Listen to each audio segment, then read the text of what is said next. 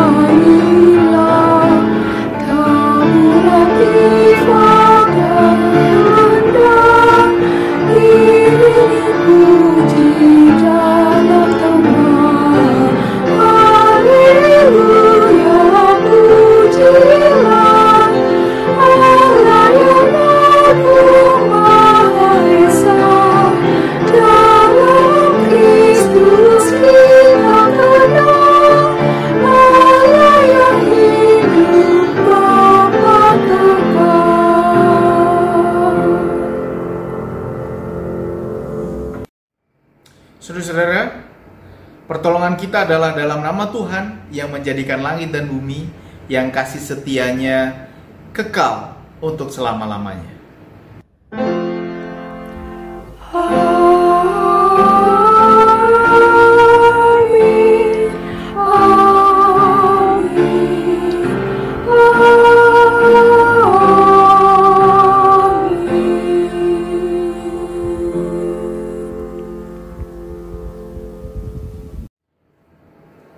Sejahtera bagi saudara yang datang dalam nama Tuhan. Tuhan besertamu.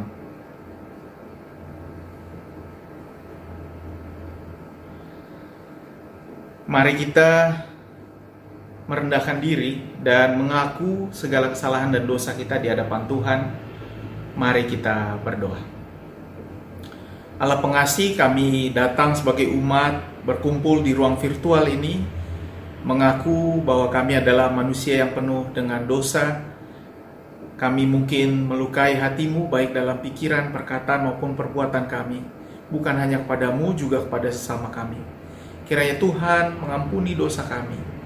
Memberikan kami kesempatan untuk terus-menerus memperbarui diri kami. Menjadi manusia yang selalu mendekat kepadamu, menjauhi segala kesalahan dan dosa kami. Ampuni kami ya Tuhan, kami menyesali, kami mengingatnya. Biarlah firman-Mu yang menjadi daging Tuhan kami Yesus Kristus menjadi penebus segala dosa-dosa kami. Dalam nama Tuhan Yesus Kristus kami berdoa. dosa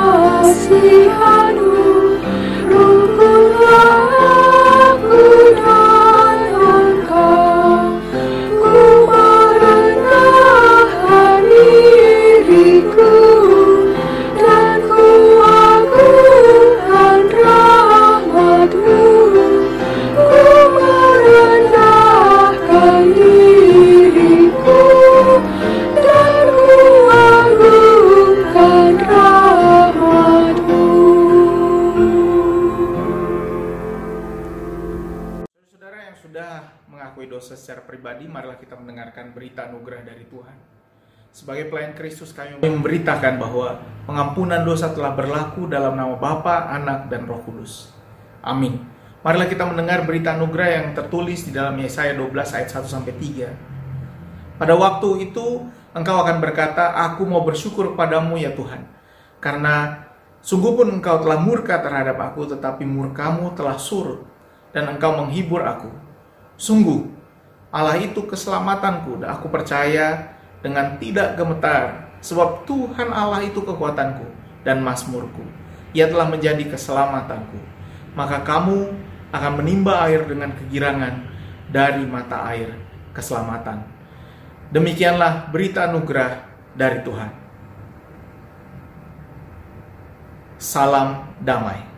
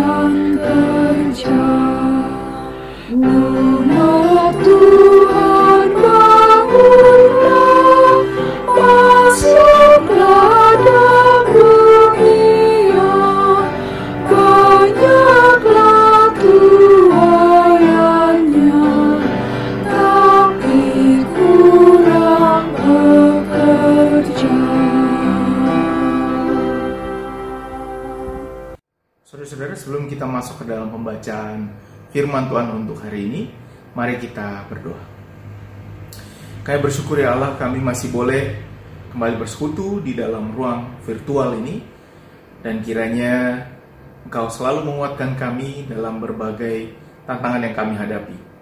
Saat ini, kami akan membaca sebagian dari firman-Mu kiranya. Firman-Mu menjadi kekuatan bagi kami dalam kehidupan kami, penuntun hidup kami. Ajari kami dan roh kudusmu menguasai hati kami, sehingga kami menjadi pelaku firman. Dalam nama Tuhan Yesus Kristus kami berdoa. Amin. Saudara-saudara, pembacaan Injil kita diambil dari Injil Matius ayat 40 sampai 42. Saya akan bacakan untuk kita. Barang siapa menyambut kamu, ia menyambut aku. Dan barang siapa menyambut aku, dia menyambut dia yang mengutus aku.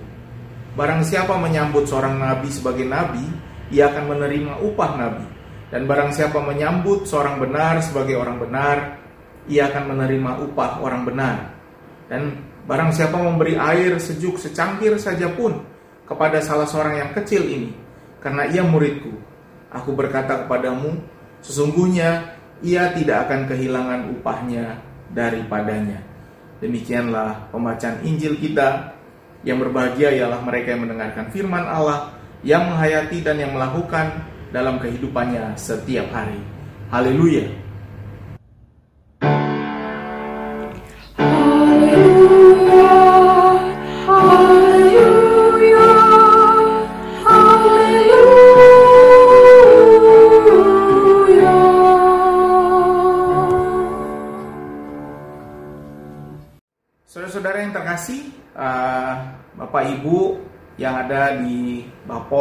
GKI Taman Yasmin juga saudara-saudara yang menyaksikan ibadah bersama di YouTube ini. Uh, saya mengucapkan uh, selamat pagi dan juga shalom untuk kita semua. Semoga damai Tuhan menyertai kita di dalam pandemi yang sepertinya uh, belum bisa kita prediksi kapan akan berakhir. Semoga Bapak Ibu tetap dalam keadaan aman, keadaan sehat dan jangan lupa uh, meskipun PSBB sudah dilonggarkan sebisa mungkin tinggallah di dalam rumah dan kalaupun keluar gunakan masker, kalau bisa tambah ekstra face shield, jangan lupa cuci tangan setiap saat dan jangan sering-sering garuk wajah. Kalau bisa jangan sentuh wajah selagi Bapak Ibu di luar sebelum mencuci tangan. Baik, Firman Tuhan hari ini adalah soal uh, upah di dalam Tuhan. Upah di dalam Tuhan. Menarik sekali saudara-saudara. Kalau kita bicara soal upah dalam Tuhan, maka saya memulai firman Tuhan ini dengan bertanya pada Bapak Ibu. Kalau Bapak Ibu sekarang ada di rumah masing-masing, berarti dekat dengan tas, dekat dengan dompet. Coba tolong buka dompet Bapak Ibu saudara-saudara. Coba lihat tas yang sering dipakai. Lalu lihat di dalamnya apakah ada barang yang selama satu tahun ini Bapak Ibu tidak pernah gunakan. Misal kartu diskon, ada kartu diskon Bapak Ibu bawa ke mana-mana, tapi tidak pernah digunakan. Bahkan mungkin sudah expired, atau mungkin ada kupon-kupon yang dibawa masukkan dalam dompet atau dalam tas, atau bahkan misalnya kwitansi yang belum terbayar, tolong dibayar kalau ada kwitansi yang belum terbayar, dan uh, yang lain-lain. Uh, kalau Bapak Ibu punya uh, tas punya dompet, kita selalu membawa barang-barang yang uh, mungkin memiliki kenangan bagi kita. Bahkan mungkin ada yang masih menyimpan kartu pelajarnya misalnya, padahal dia sudah tidak pelajar lagi. Dan setiap hal yang kita bawa ini rata-rata memiliki tuntutan, memiliki ada semacam desakan kepada kita. Misalnya Bapak Ibu baru kehilangan orang tua misalnya, atau orang yang terkasih dan fotonya masih terus ada di dalam dompet kita maka kita mengatakan bahwa saya akan membawa dia ke mana-mana di dalam hidup saya Bapak Ibu mungkin punya foto keluarga atau mungkin ada koin uh, yang pernah Bapak Ibu gunakan atau uh, merasa itu koin keberuntungan dan lain sebagainya semua hal ini membawa tuntutan bagi kita kita merasa bahwa kita anggota misalnya kita anggota penduduk di Bogor, kita punya KTP Bogor, berarti kita punya tuntutan untuk menjadi anggota yang baik di Kabupaten Bogor atau Kota Bogor. Nah, karena itu dalam membawa berbagai hal dalam hidup kita, kadang-kadang kita tidak tahu apa yang kita bawa, gitu ya. Mungkin Bapak Ibu tadi ikutan betul-betul ikutan meriksa dompet atau tas, lalu Bapak Ibu melihat isinya lalu terkejut, oh ini ada juga ya. Kadang-kadang kita tidak tahu apa yang kita bawa. Bahkan kadang-kadang kita bisa menilai seseorang dari apa yang mereka bawa. Misalnya kalau tas seorang engineer, tas seorang uh, fotografer, tas seorang pendeta atau misalnya tas seorang aktivis, kan beda isinya. gitu ya. Uh, bahkan tas orang yang mau demo, misalnya orang yang mau demonstrasi, bukan kayak kita yang ibadah, tapi tas orang yang mau demo, kayak saya masih ingat dulu waktu saya ikut-ikut demo dulu ya. Uh, kalau demo itu ada dua hal yang harus saya bawa, satu botol aqua dan satu odol. Ya, odol katanya diusap ke sini gitu ya, nanti nanti jadi apa? Uh, mengurangi efek gas air mata. Itu adalah bawaan wajib. Jadi dari bawaan seorang kita bisa menduga apa yang sebenarnya dia kerjakan. Nah, bawaan apa yang kita miliki, Bapak Ibu, dalam hidup kita. Apa yang kita bawa-bawa dalam hidup kita? Apa apa barang yang tidak pernah kita gunakan lagi tapi masih kita bawa-bawa? Jangan sampai itu ada acara siapa Ma, Mary siapa lah itu yang yang apa namanya uh, membuang barang-barang untuk membawa happiness. Nah, ini menarik sekali. Ini juga ada hubungannya kalau kita traveling, misalnya Bapak Ibu, kalau Bapak Ibu traveling, apa barang yang bawa? Apa yang barang yang kita bawa? Nah, ada dua jenis orang dalam traveling. Yang pertama adalah orang yang suka membawa uh, lengkap, gitu ya. Bawanya lengkap. Saya nggak mau ada kekurangan nih. Ini contohnya adalah orang kalau pergi jalan-jalan Sumatera Utara ini sama nih kayak kita. uh, kalau kita mau kebaktian, ya Bapak Ibu, ada aja tuh yang bawa lengkap di belakang ya kan, entah ember lah, piring dan lain sebagainya, dan lain sebagainya, dan lain sebagainya. Ah, tapi ada juga orang yang mau travel light, misalnya. Dia cuma mau bawa satu tas, ya ringan, yang penting kita bisa jalan. Ada yang mau bawa lengkap misalnya kami dulu mau pulang ke Sumatera Utara uh, entah kenapa kami naik mobil lalu mama saya bilang ah, kita bawa rice cooker gitu. Untuk apa bawa rice cooker dalam perjalanan? Tapi akhirnya dibawa juga. Bahkan kadang-kadang kami dulu pernah nih sampai karena tidak mau rugi kami beli waktu itu ada durian lagi musim di Sibolga gitu ya musim durian di Sibolga. Uh, kami bawa durian itu karena banyaknya akhirnya lebih. Akhirnya kami tidak tahu mau diapain durian ini akhirnya kami bungkus duriannya dalam kotak. Kami packing bagus gitu. Kami bawa dalam mobil akhirnya setelah dua jam satu mobil mabok semua. Itulah karena kami tidak mau letting go apa yang mengikat kami dan akhirnya memberatkan perjalanan kami dan jangan sampai Bapak Ibu mau lengkap-lengkap akhirnya membawa barang seperti ini dalam perjalanan. Bahkan dalam hidup ini, seseorang yang tidak bisa letting go memiliki penyakit namanya hoarder. Ini adalah uh, acara televisi yang ada di BBC misalnya. Ini adalah acara seseorang yang tidak bisa membuang barang dalam hidupnya. Kalau Bapak Ibu ada yang seperti ini, Bapak Ibu membutuhkan bantuan psikologis. Jangan sampai ada yang seperti ini karena ini artinya dia tidak bisa melepas apa pun barang dari dalam hidupnya. Dan ketidakmampuan untuk melepaskan barang ini menjadi penyakit yang akhirnya mengganggu keluarga. Lihat barangnya. Uh, terus terang, saya pernah bertemu dengan orang yang seperti ini. Saya kira ini hanya ada di acara televisi. Ternyata saya sudah menemukan langsung live. Ternyata memang ada yang seperti ini. Nah, karena itu, saudara-saudara, firman Tuhan hari ini bertanya kepada kita, apa yang kita bawa ketika Tuhan mengutus kita? apa yang kita bawa ketika Tuhan mengutus kita dan apa ekspektasi kita dari apa yang Tuhan akan beri pada kita. Nah, karena itu ini menarik sekali karena konteks Matius 10 adalah ini pembagian ayat-ayatnya. Konteks Matius 10 adalah Yesus manggil ke-12 rasul, dia panggil gitu ya. Lalu dia mengutus ke-12 rasul, silahkan pergi, kamu akan menemui tantangan, begini caranya kau pergi dan lain dan, dan lain sebagainya. Lalu Tuhan Yesus juga mengatakan kamu akan dianiaya, kamu akan ditolak. Lalu Tuhan Yesus mengatakan, oke, okay, sebenarnya juga akan ada penolakan bukan hanya dari orang luar, tapi juga orang di dalam keluarga kita sendiri. Nah itu sebenarnya adalah inti dari apa yang Tuhan Yesus katakan di Matius 10. Dan Tuhan Yesus bisa memprediksi bahwa para murid ini akan memiliki berbagai ketakutan. Nah, ketakutan pertama adalah finansial. Ini beberapa kali disebutkan oleh Tuhan Yesus di dalam Matius 10 ini. Janganlah kamu membawa emas atau perak atau tembaga dalam ikat pinggangmu. Janganlah kamu membawa bekal dan perjalanan. Uh, misalnya, jangan khawatir, burung pipit yang kecil akan dikasih Tuhan. Lihat, uh, itu ada di Matius 10. Kemudian ketakutan kedua adalah bahwa para murid takut akan ditolak. Dan apabila seorang tidak menerima kamu dan tidak mendengar perkataanmu, keluarlah dan tinggalkanlah rumah atau kota itu dan kebaskanlah debunya dari kakimu. Bahkan Tuhan Yesus mengatakan, oke, okay, kalau kamu nggak diterima di satu tempat, uh, ketika kamu memberitakan Injil, move on. Kemudian uh, ketakutan ketiga adalah perlawanan dari pemimpin lokal. Makanya Tuhan Yesus mengatakan, jadilah cerdik seperti ular dan tulus seperti merpati. Ini semua ada di dalam Matius 10. Karena Tuhan Yesus mengutus mereka lalu mengatakan kamu akan punya tantangan, kamu akan punya hambatan dan kamu akan menghadapi berbagai ujian baik dari dalam dan dari luar. Setelah Tuhan Yesus menjelaskan ujian yang berasal dari luar, Tuhan Yesus sekarang menjelaskan ujian yang dari dalam. Dan itu adalah perlawanan dari keluarga. Barang siapa mengasihi bapaknya, bapak atau ibunya lebih daripada aku, ya tidak layak bagiku. Dan barang siapa mengasihi anaknya, laki-laki atau perempuan, lebih daripada aku, ya tidak layak bagiku. Itu adalah ayat yang mengawali teks yang kita baca hari ini.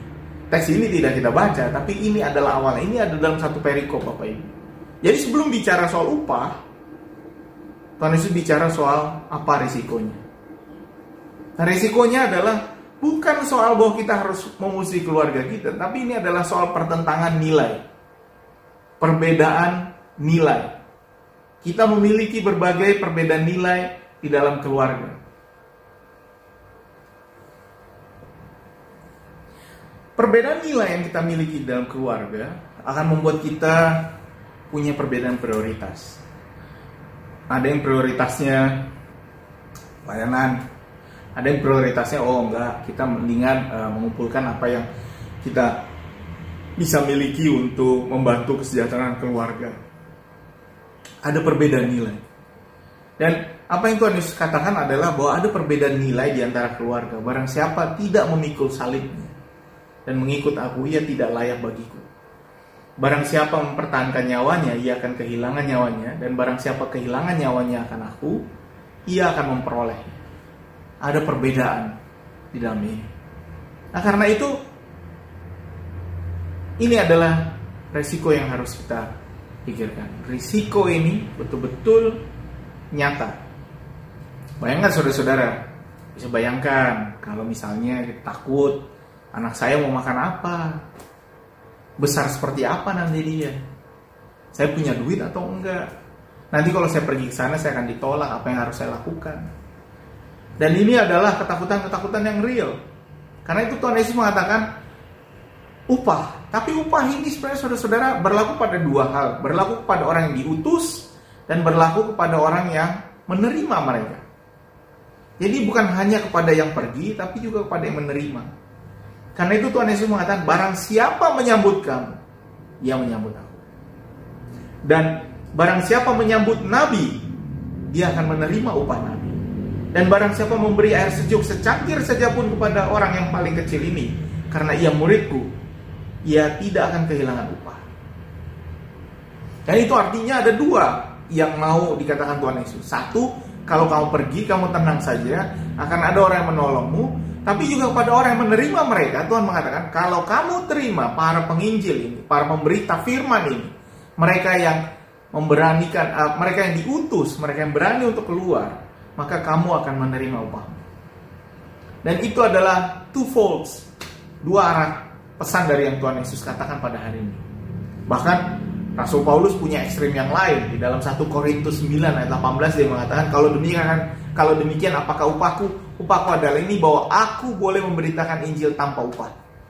Dan ini adalah apa yang Rasul Paulus katakan pada para pengkabar Injil. Kalau kamu mau pergi, kamu memberitakan firman, pekabaran firman bahwa kamu diperbolehkan untuk mengabarkan firman adalah sebuah kehormatan. Karena itu kamu betul-betul siapkan lakukan dengan sepenuh hati.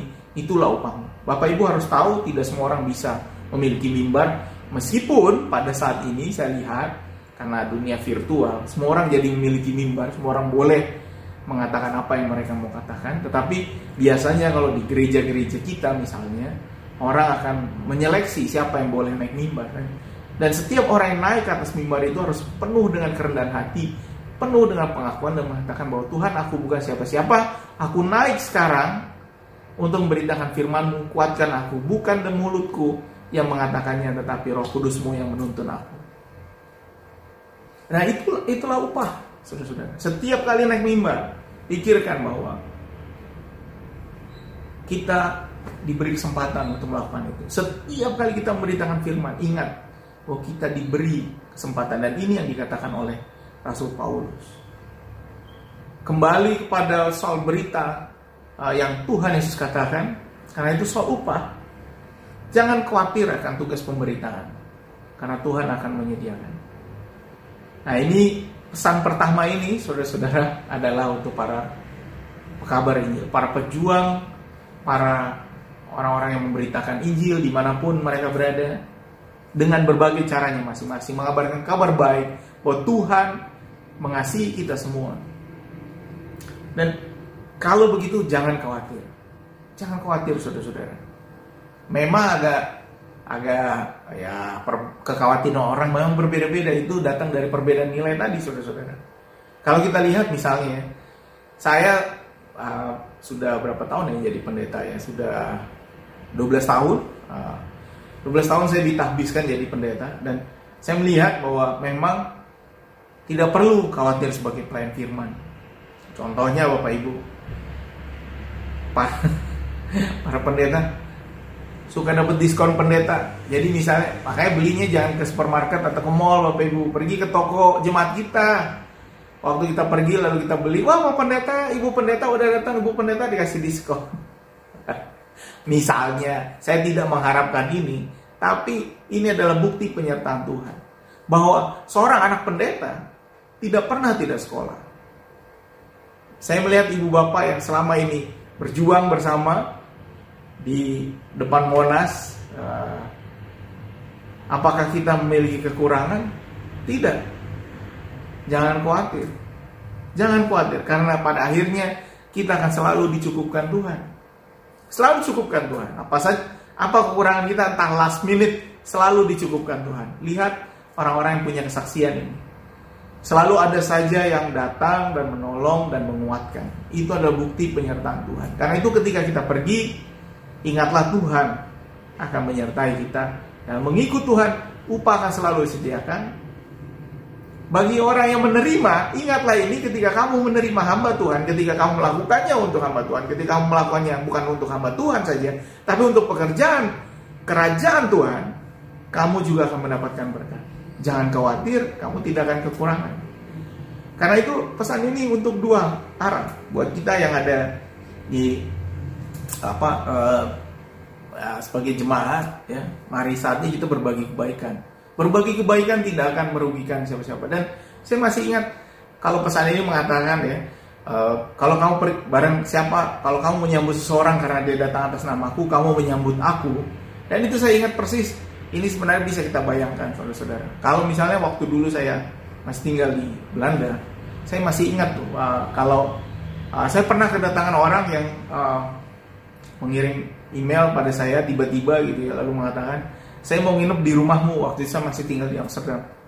Saya mau nginep di rumahmu. Uh, tempat saya tidak besar, hanya satu kamar gitu ya, tapi lumayan ada uh, studio namanya. Ada ada dua ruangan yang agak terpisah. Jadi sebelah sini sebelah kiri memanjang ya. Sebelah kiri adalah kamar tidur di tengah WC dan dapur di sebelah kanan adalah semacam ruang tengah. Lalu ada seorang yang mengaku pada saya uh, saya dapat email bapak di sebuah mail, mailing list itu masih tahun zaman dulu ya jadi saya mau nginep di rumah bapak lalu saya pikir saya nggak kenal nih orang eh, saya sama sekali tidak tahu siapa dia tapi kemudian saya pikir uh, orang ini kebetulan uh, kebetulan orang Simalungun bapak ibu orang Simalungun saya ingat ada dua orang yang berpengaruh dalam hidup saya, teman saya, uh, yang orang Simalungun.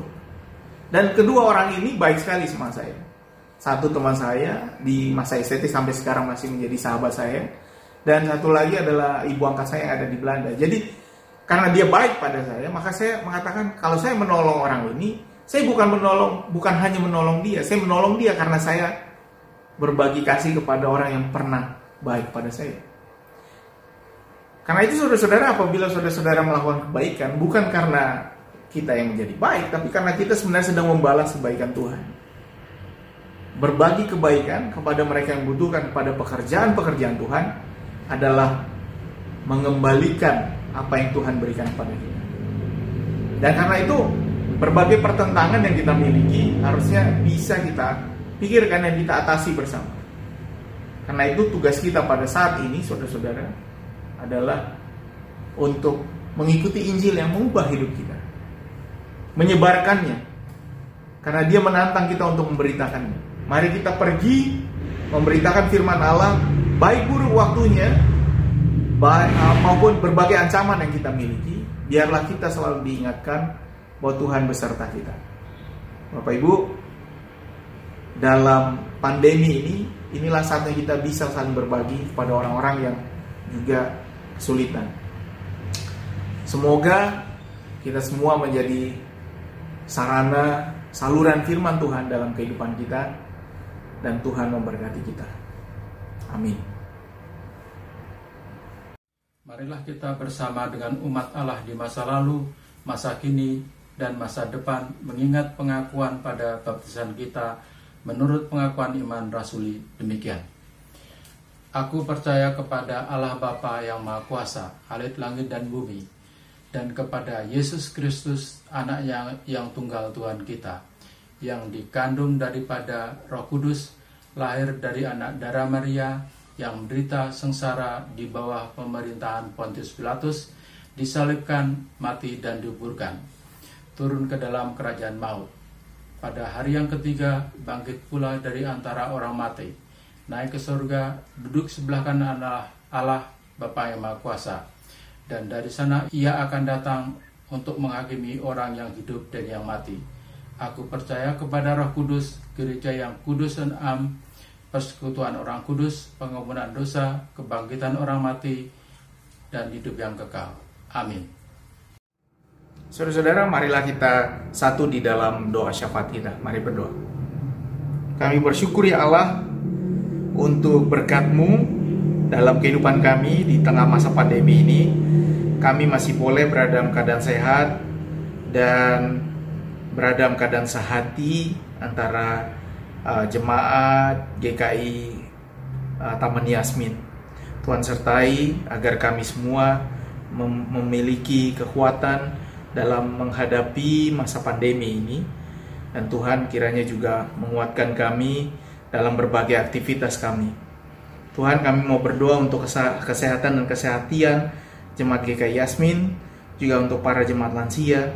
Kami berdoa juga untuk pemerintah pusat dari pemerintah kota Bogor uh, sampai ke tingkat presiden dalam penyelesaian masalah hukum dan intoleransi di Indonesia.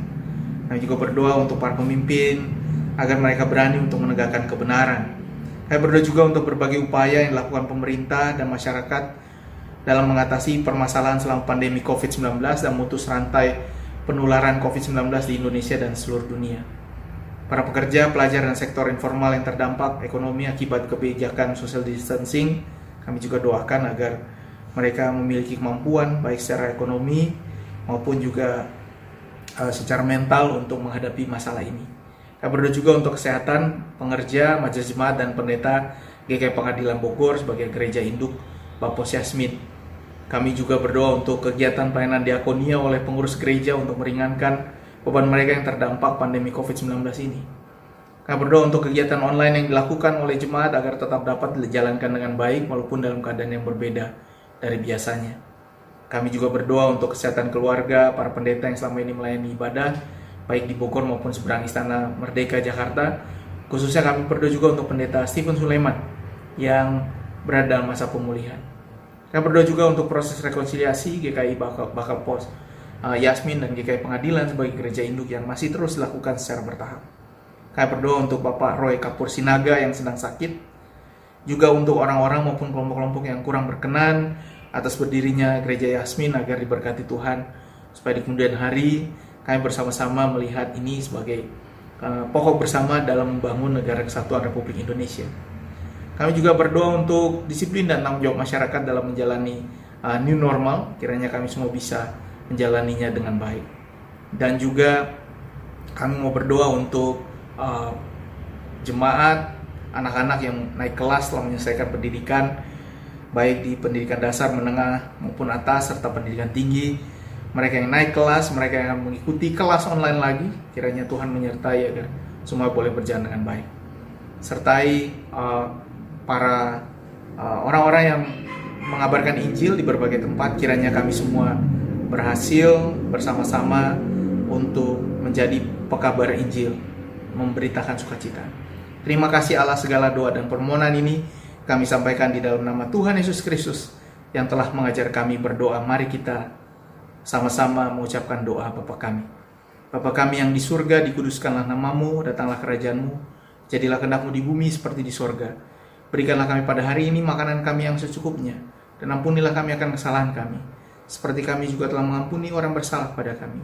Dan janganlah bawa kami ke dalam pencobaan, tetapi lepaskanlah kami daripada yang jahat. Karena engkau punya kerajaan, dan kuasa, dan kemuliaan sampai selama-lamanya. Amin. Marilah kita menyatakan syukur kita kepada Tuhan di dalam ibadah ini melalui pemberian sukarela guna menunjang pelayanan gereja dengan mengingat kata Alkitab yang terambil dari Mazmur 50 ayatnya yang ke-14. Persembahkanlah syukur sebagai korban kepada Allah dan bayarlah nazarmu kepada Yang Maha Tinggi. Kita akan naikkan pujian yang terambil dari Kidung Jemaat 287A bait pertama dan kedua. Sekarang bersyukur.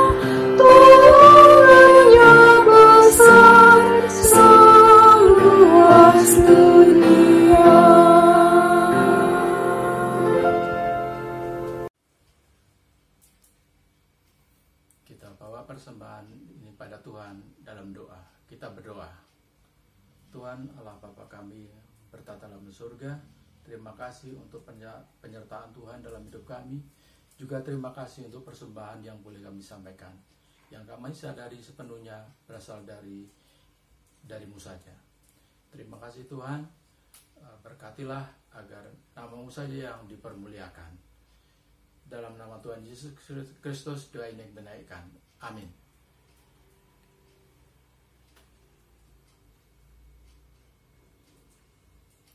kita akan nyanyikan nyanyian pengutusan terambil dari Kidung Jemaat 357 bait pertama sampai keempat.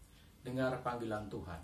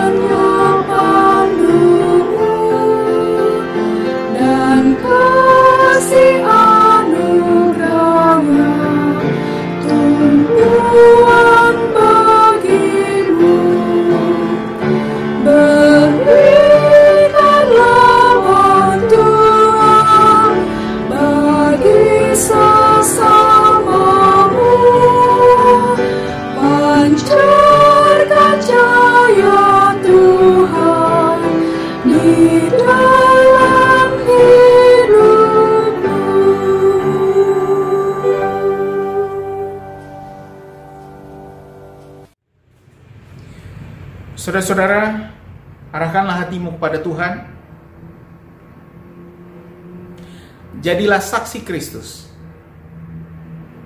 Terpujilah Tuhan dan terimalah berkat dari Tuhan. Tuhan memberkati engkau dan melindungi engkau. Tuhan menyinari engkau dengan wajahnya dan memberi engkau kasih karunia. Tuhan menghadapkan wajahnya kepadamu dan memberi engkau damai sejahtera. Haleluya.